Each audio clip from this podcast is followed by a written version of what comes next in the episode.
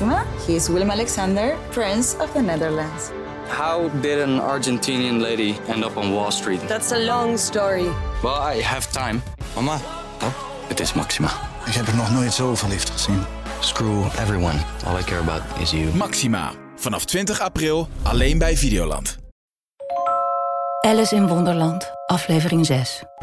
Door Hans Kesting. Na afloop van een race wordt Alice gevraagd om de prijzen uit te reiken. Alice had er geen idee van wat ze doen moest. En in haar wanhoop stak ze haar hand in haar zak en haalde er een zakje suikerbonen uit. Gelukkig was er geen zout water bij gekomen, die ze uitdeelde als prijzen. Ze had precies genoeg voor iedereen.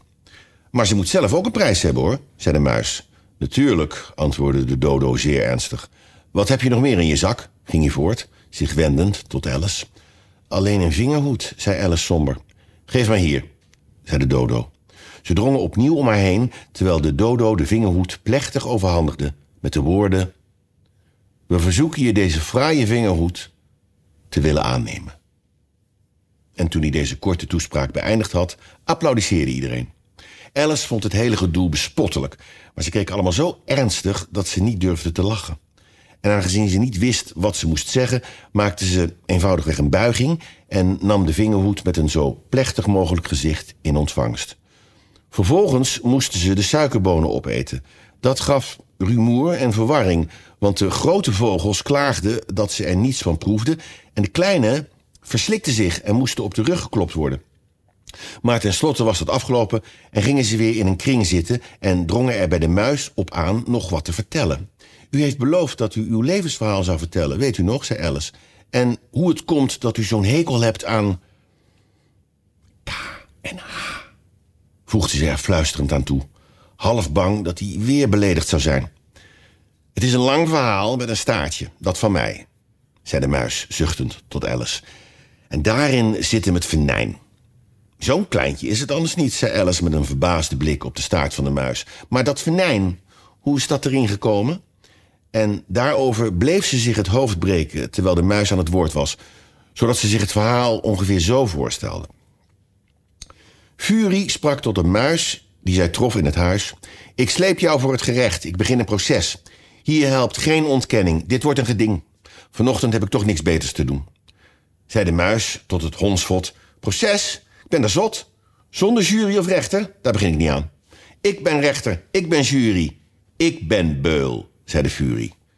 Ik acht je schuldig en ik breng je ter dood. Je let niet op, zei de muis streng tot Alice. Waar denk je aan?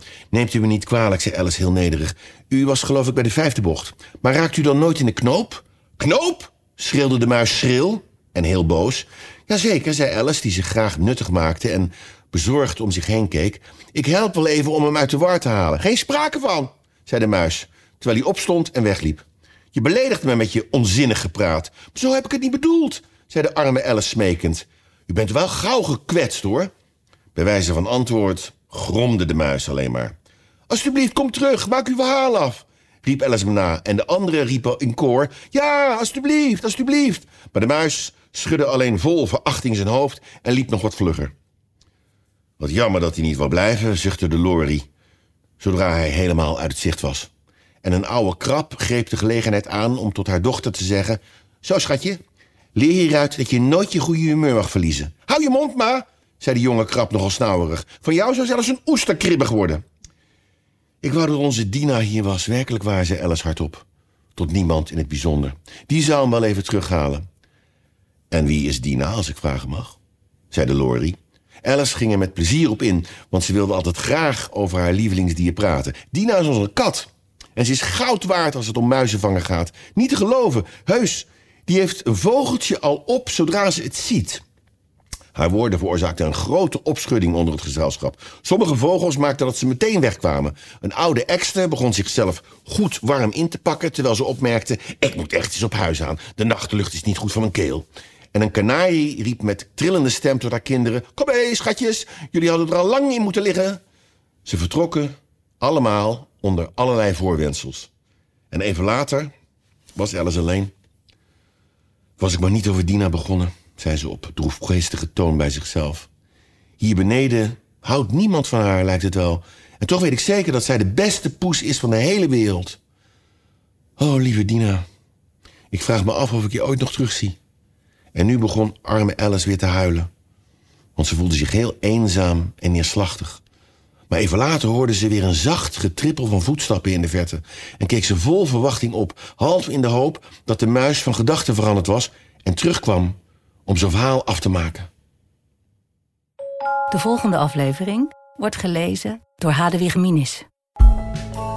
Alice in Wonderland is een podcast van Internationaal Theater Amsterdam, Het Parool en Stepping Stone Producties. Vertaling Nicolaas Matsier, uitgeverij Meulenhof Boekerij.